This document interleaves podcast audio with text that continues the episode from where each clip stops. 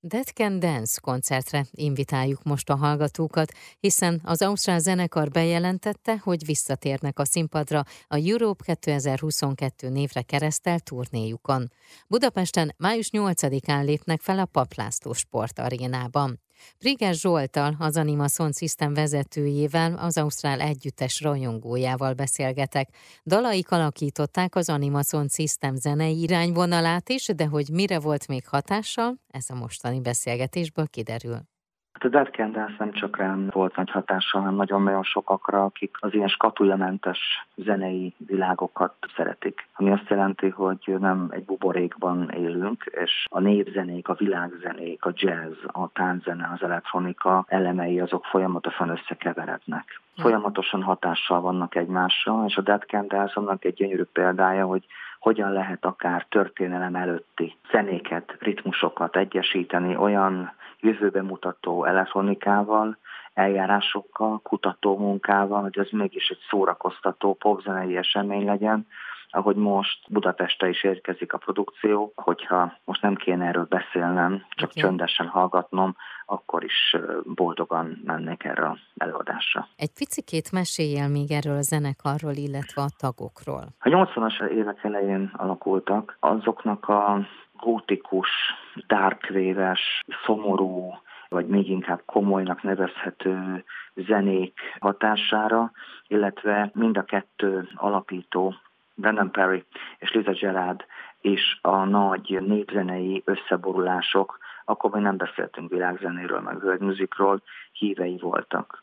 Ez a mai napig így van. Akkor csinálnak lemezt, amikor van mondandójuk. Most a legutolsó az Dionysos Orgiasztikus Misztérium színházának a legújabb leképezése modern eszközökkel, furcsa módon fittyet hánynak mindig azokra az elvárásokra, amik egyébként jellemzőek azokra a popzenei kísérletekre, amiben ők is vannak. Ők hihetetlen szabadsággal, hihetetlen figyelemmel viseltetnek minden kulturális megnyilvánulás iránt, ezeket beolvasztják, és ami a nagy hír, hogy a május 8-ai koncerten a 80-as évek terkendensét is láthatjuk, mert ezek a dalok, amiket annak idején csináltak, és nagyon-nagyon hosszú ideig nem játszották őket, most újra a repertoára kerülnek. Szóval mondom, hogy fantasztikus élmény vár ránk élő nagyzenekarral, amely nem csak mintákat rakosgat egymásra, hanem élőben játsza azokat, és hát mind ehhez csatlakozik Liza Gerard gyönyörűséges hangja, amit számtalan filmben Koltai Lajos sorstalanságától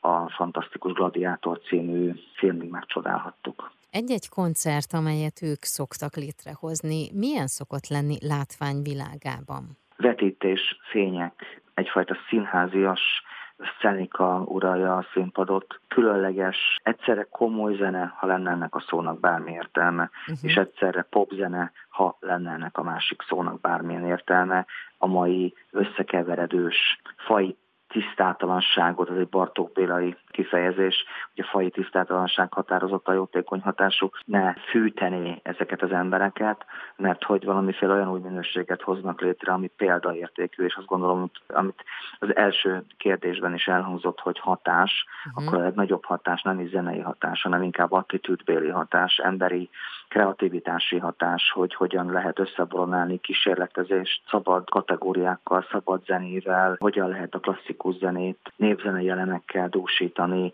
hogyan lehet mindezt egyfajta múzeális szituációból kiragadni. Az Anima Sound Systemnek van-e olyan dala, amire kifejezetten mondjuk az ő egy-egy művük hatott? Nem dalban, nem uh-huh. kompozíciós technikákban, nem ilyen kézzelfogható dolgokban gyakoroltak rám nagy hatást, hanem sokkal inkább abban az attitűdben, amit ezelőtt is próbáltam elmondani, hogy hogyan lehet át B-vel összekötni. Uh-huh. Hogyan lehet nem is át B-vel, hanem át Z-vel összekötni. Hogyan lehet az alfától omegáig haladni, hogyan, hogyan lehet ezt időről időre újra elővenni, leporolni, és újból a plénum elé tárni úgy, hogy közben elváljál önmagad se bábujává, se bohócává, és ami a legfontosabb az az, hogy mindig másként add elő a dalokat, hogy sose und meg. Ez egy folyamatos önmagaddal az alkotás mikéntjével való kísérletezés, és nem egy múzeumi látogatás. Te gondolom már készülsz arra, hogy ott leszel te is, de mindenki megy a zenekarból?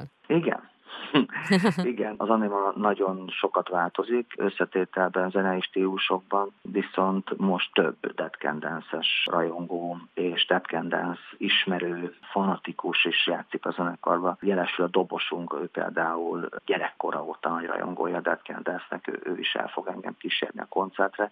De mondom, nagy élmény a koncert, nagy élmény a lemezhallgatás, mm. a legutolsó Dionysus című lemez, de akár a 80-as évek első lemezé is, amiről, mint említettem, sok dalt fognak játszani. Viszont ami a lényeges az, hogy mindegy, hogy fellépés, mindegy, hogy lemezhallgatás, a jelenlét a jelenlét gyönyörűsége az, ami a Dead Can Dance eszenciája. Pont ezért kitartó a közönség is a jelenlétük miatt mindegy, hogy 5-6 évig vagy 10 évig szünetelnek, visszavárják őket, mert tudják, hogy minőséget adnak, és mondjuk egy olyan sokszor összekeveredni látszó világban, ahol nem nagyon tudjuk, hogy a popkultúra meddig tart, és mit, mitől válik mondjuk komoly, kreatív élményé, ők mindig őriznek egy olyan koordinátorrendszert, amiből, am, amiből nem engednek. Nagyon szépen köszönöm, és kívánom, hogy fantasztikus élmény legyen. Én köszönöm. Örülök, hogy beszélhettem a Dead. A Reggeli Express mai vendége Priger Zsolt volt, az Anima Sound System vezetője.